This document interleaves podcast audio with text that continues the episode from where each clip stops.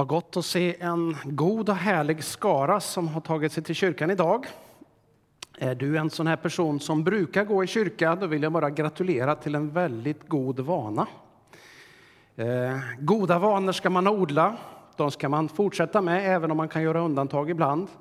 Men det man mår gott av och det som man växer utav, det som man hämtar energi ifrån, det ska man försöka och, och liksom hålla fast vid och så ska man återkomma till det.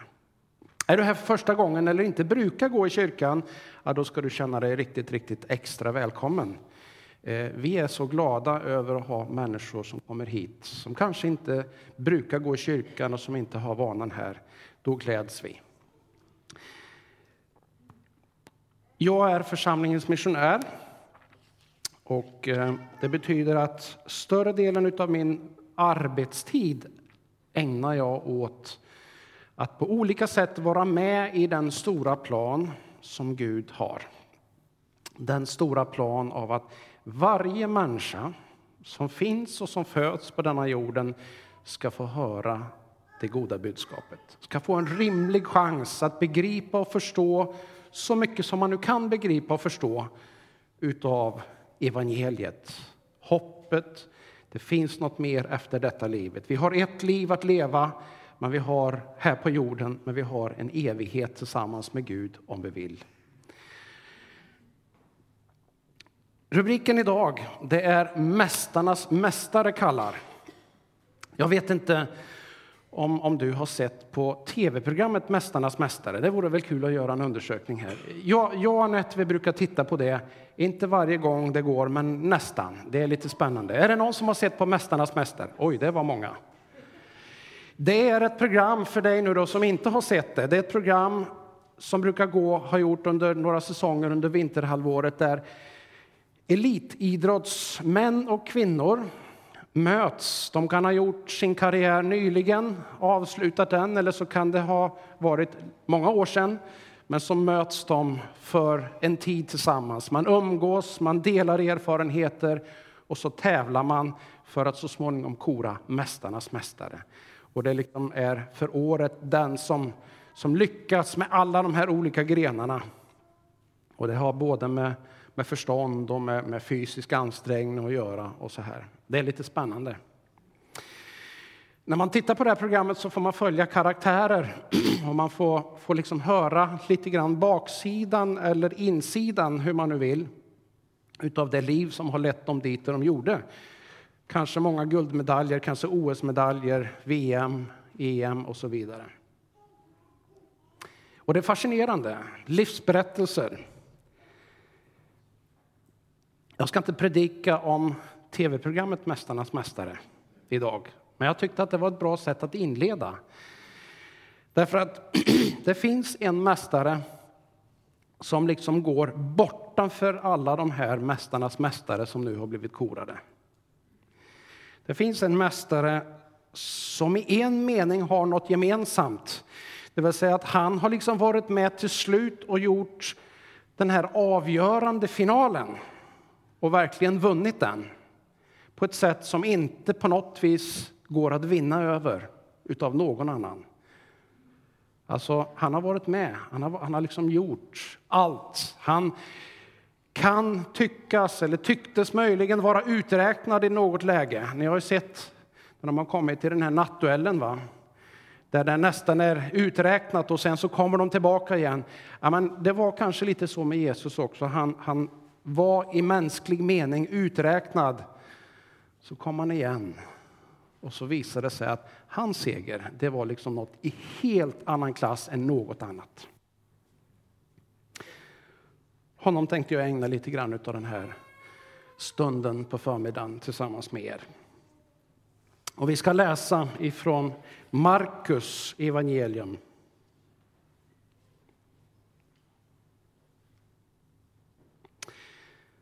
Andra kapitlet, trettonde versen. Det var ju så här att Jesus, när han liksom gick här på jorden ett par tusen år sedan drygt, så ehm, samlade han massa människor som följde honom. Och han, hade också den här väldigt, väldigt konkreta utmaningen, frågan till människor som han mötte. Och så sa han, följ mig. Enkelt, rakt, tydligt. Och man skulle kunna tänka sig att då mästarnas mästare skulle då, skulle då liksom samla en, ett gäng, en elitgäng runt kring sig själv. Ett gäng som liksom var såna här superduktiga. Det var vanliga människor han samlade. Det var fiskare. Det var människor som inte var perfekta.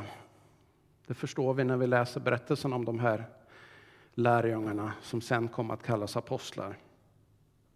Det var tullindrivare.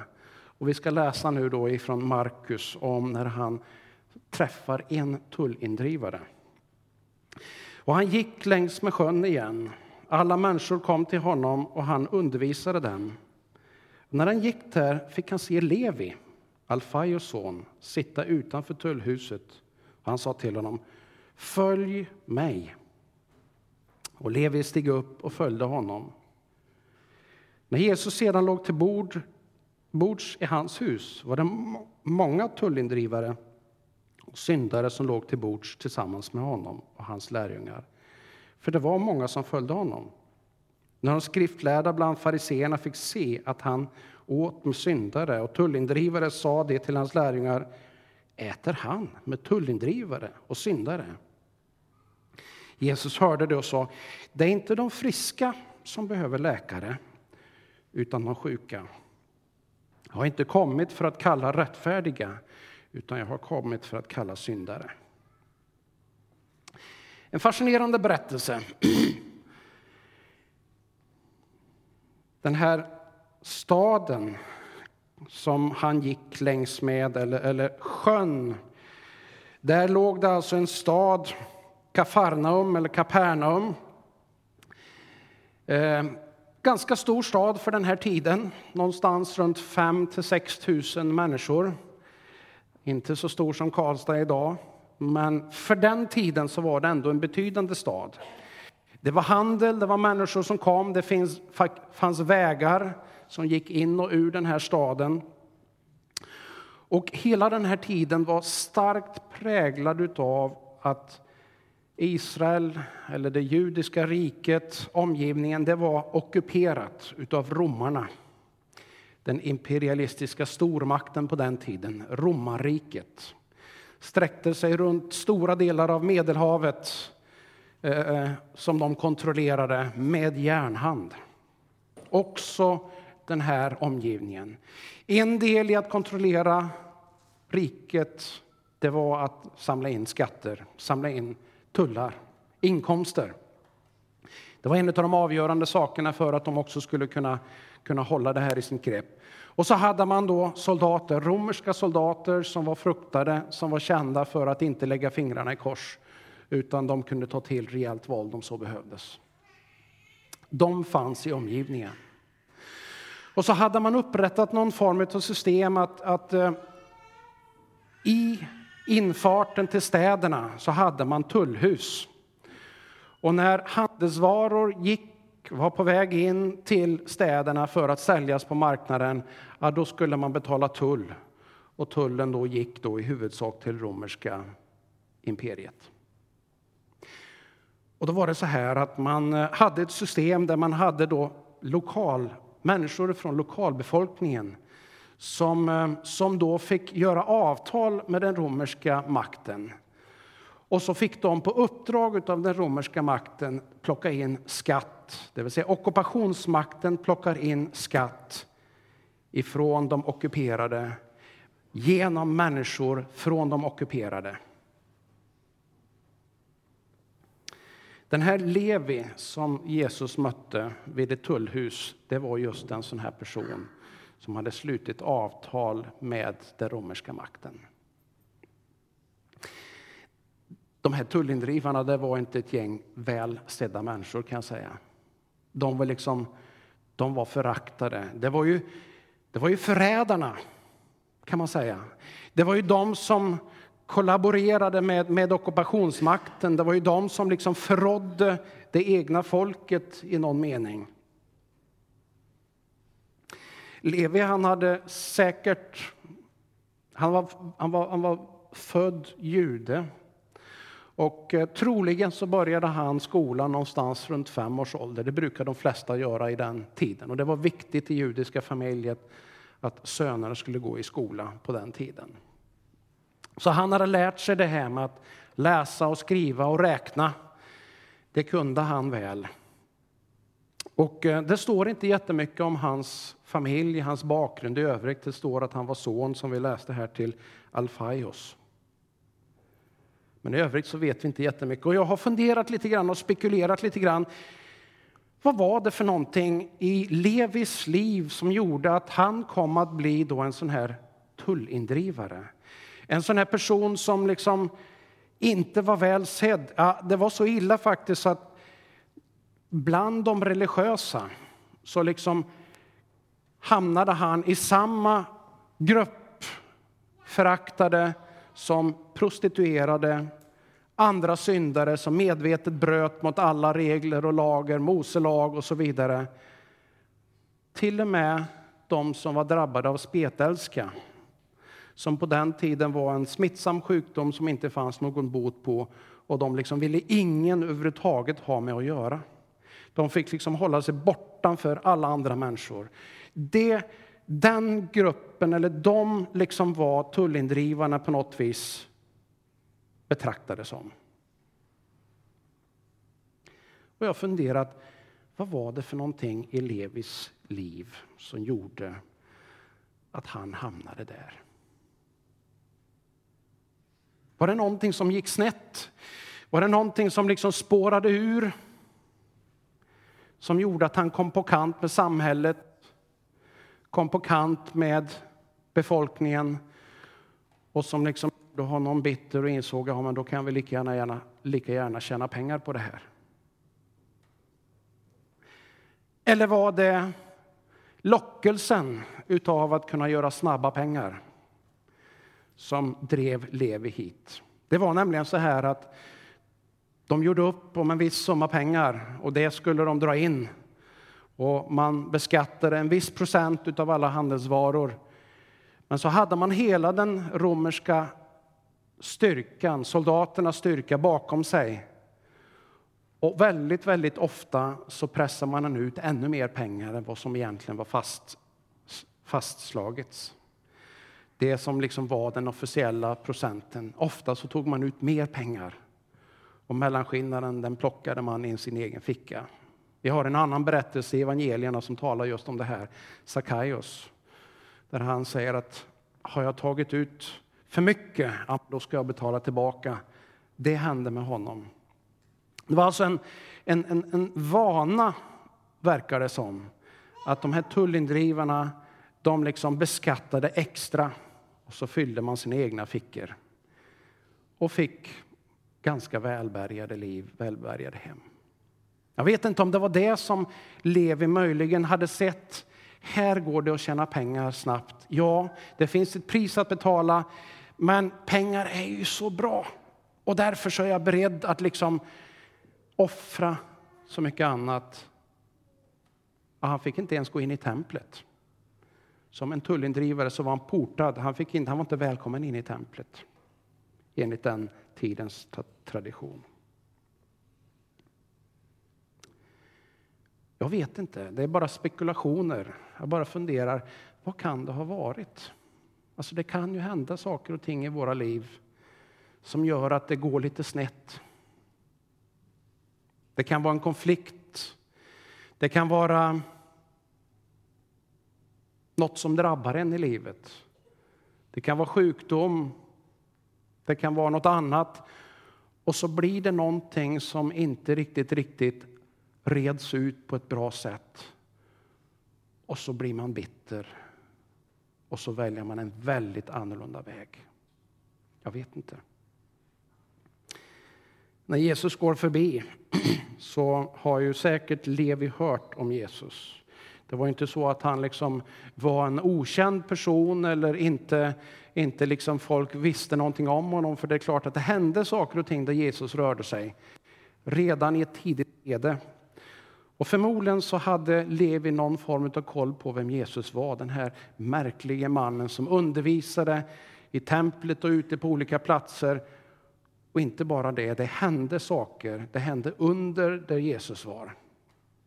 Han kallades ofta för rabbi eller mästare. Ett antal ställen i evangelierna så kallas han mästare. Både av dem som följde honom och av andra som tittade på honom och såg vad var det han höll på med. Och när Jesus kommer förbi den här dagen, när Levi är i tjänst och han står där för att plocka pengar ifrån människorna. Ja, då tittar Jesus på honom och så säger han, följ mig. Och jag kan tänka mig att från att ha varit den där som är liksom utstött, föraktad, som inte ens får komma in i templet och här har du en som alla talar om. Och så tittar han dig rätt i ansiktet och så säger han, följ mig.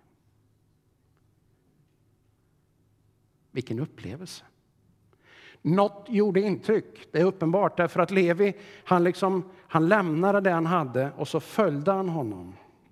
Han steg upp och följde honom står det i bibeltexten som vi läste.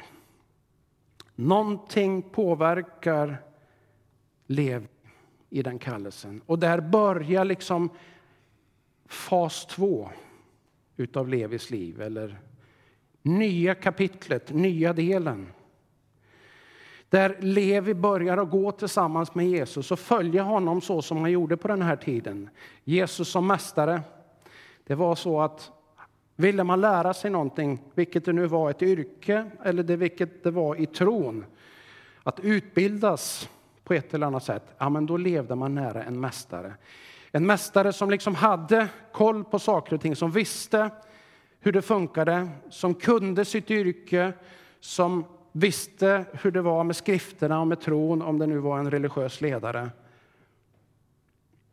Och så levde man tillsammans med den här mästaren följde den här, fick praktisera, ta ett tag, hjälpa till där man kunde, men framförallt se och lära och höra och så steg för steg göra.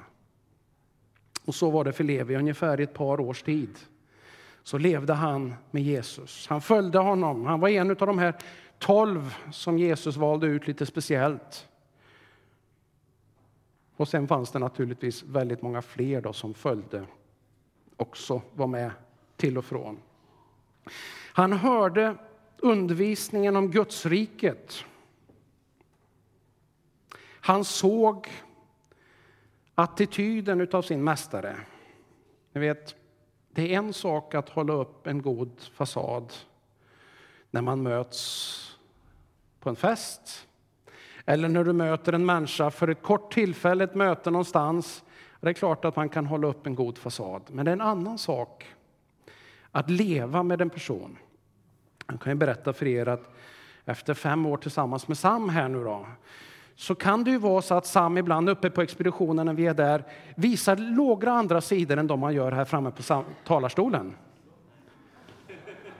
Och jag skulle tro att han kan säga ungefär detsamma om mig. Det kan hända att man ilsknar till ibland och man gör någonting som man inte kanske gör här framme. Visst är det så? Vi är ju så som människor. va? Det betyder alltså att när du följer en mästare, då ser du alla de där sidorna. Du ser liksom både det där i det stora offentliga, men du ser också den här våndan, nöden, frustrationen, smärtan och ilskan ibland som alla människor, tror jag, upplever sådär bakom scenen. Allt det där fick Levi vara med och se. Han såg både det där som hände i det offentliga och också det där som hände i det fördolda. Och någonting händer med Levi. För uppenbarligen så följer han honom väldigt, väldigt nära. Och det kommer till och med till det läget att han gör som han ofta gjorde på den här tiden när det hände något livsdramatiskt, livsförvandlande. Han byter namn. Han byter namn ifrån Levi till det som vi känner som Matteus. Matteus, det betyder i grund och botten Guds gåva. Syndaren, den utstötte som liksom ingen ville ens ta i med pincett nästan. Han har fått uppleva Guds gåva. Guds fantastiska gåva. Möjligheten av att få vara i nära relation med Mästarnas mästare. Att få följa, att få se, få uppleva. Få se attityden från Jesus när han möter människorna. Annorlunda. Inte den här kaxiga attityden som vi ibland kanske har sett i tv-programmet Mästarnas mästare. Inte den här liksom attityden som liksom fokuserar på att jag, mig och mitt, jag ska vinna. Utan den här attityden av kärlek, utav omsorg, ödmjukhet, uppoffrande, beredd att till och med betala det högsta av alla pris, betala med sitt eget liv.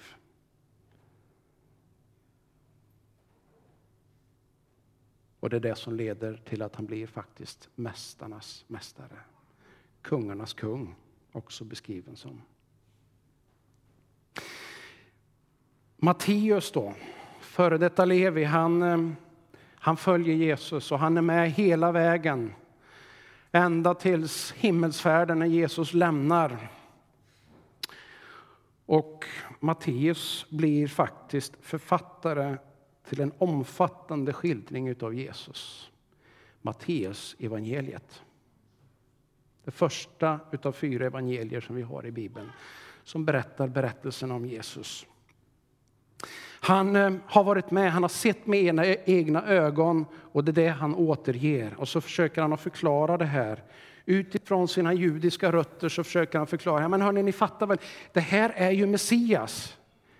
Och han kopplar till skrifterna i Gamla testamentet som han känner mycket väl för att liksom göra det meningsfullt för människorna i sin samtid, i sin omgivning. Och så försöker han att förklara för dem. De var ju det utvalda folket som Abraham liksom hade, hade startat. Gud hade gjort ett löfte med Abraham och den identiteten hade de med sig. Och så försökte Matteus förklara för dem Ja, men det är ju Messias. Den Jesus som ni inte förstod vem han var, det är Messias. Nu har ni chansen av att följa Messias. Och det sägs att hela hans liv egentligen efter det här ägnar han åt att berätta berättelserna om Jesus. Både i den skriftliga formen som vi känner det, men också med sin mun. Han går till historien, faktiskt. Den här avskydda personen, föraktade, förrädaren. I mångas ögon misslyckade personen. Han går till historien som delförfattare av en av världens mest lästa böcker som också du och jag har möjlighet att läsa idag. Vad säger det egentligen om Mästarnas mästare? Vad säger det för någonting om honom i relation till mitt och ditt liv? Jag vet inte exakt var du befinner dig. Kanske är du inte som i det läget som Levi var precis.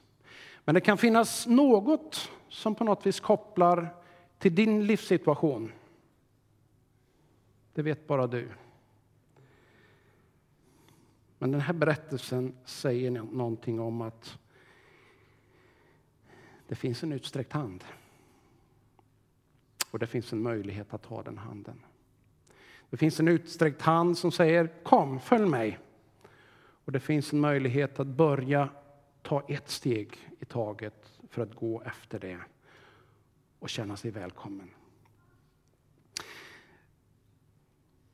Levi är född jude och har liksom den traditionen med sig även om han har haft en period utav, utav liksom förädelse mot sitt folk.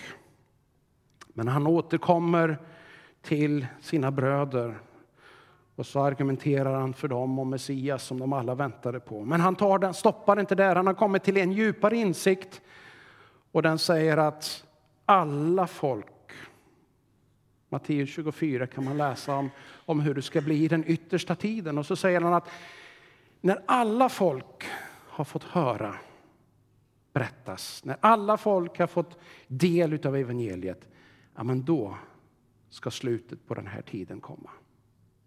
Det vill säga att alla ska få chansen. Och så går han vidare och fångar det som är liksom mästarens testamente eller mästarens liksom slutkläm, det viktigaste av allt. Ni har kanske hört det här, ni som brukar gå i kyrkan. Då gick Jesus fram till dem och talade till dem. Åt mig har getts all makt i himlen och på jorden. Gå därför ut och gör alla folk till lärjungar. Döp dem i Faderns och Sonens och den helige Andes namn och lär dem att hålla alla de bud som jag har gett er. Och jag är med er alla dagar till tidens slut. Det här fångar Levi, eller Matteus som han nu kallar sig då. Det fångar han som en liksom sån här oerhört viktig slutkläm innan Jesus lämnar. Det här var en av de viktiga sakerna och min fundering här nu, det är ju Mästarens dröm. Vad är Mästarens dröm? Vad är det Mästarnas mästare drömmer mer om än något annat? Ja, det förefaller som att det är att göra lärjungar.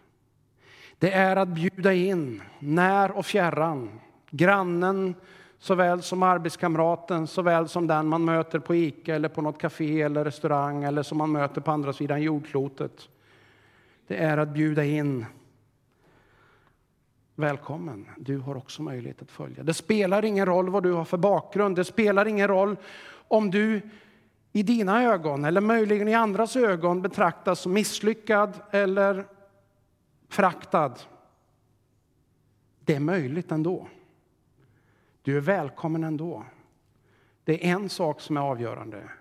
Det är att du med ditt hjärta bestämmer dig. Nej, men jag vill följa. Jag vill ta ett steg och ett steg till och ett steg till.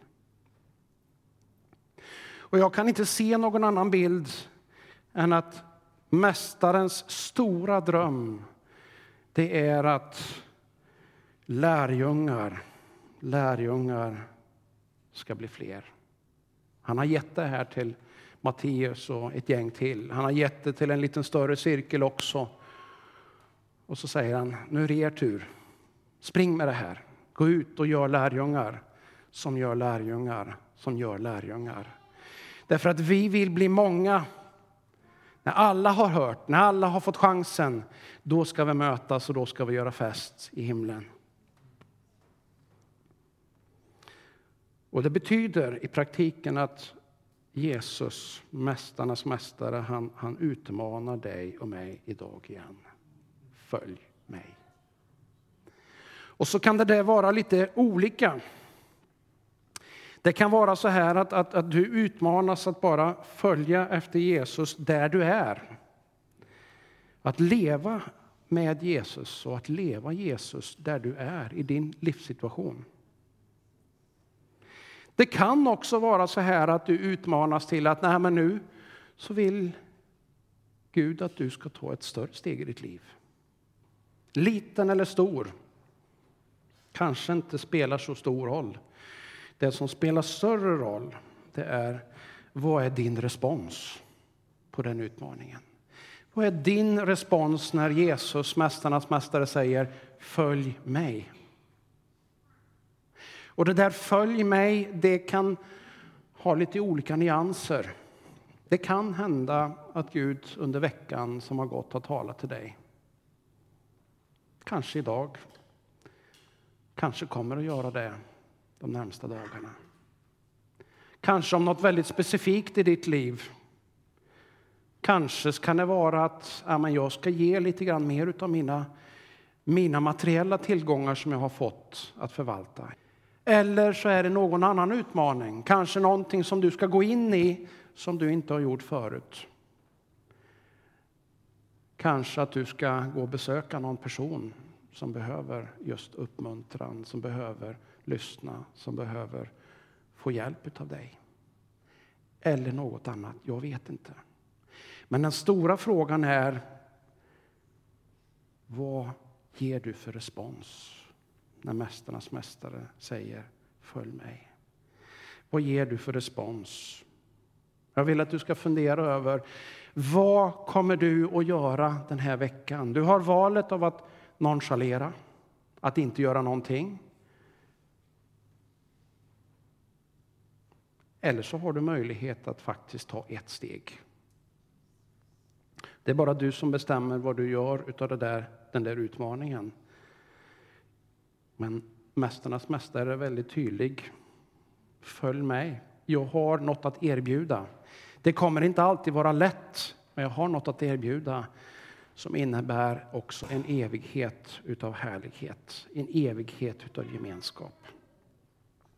Bär med dig den där frågan, vad gör du utav den utmaning som Mästarnas mästare ger till dig?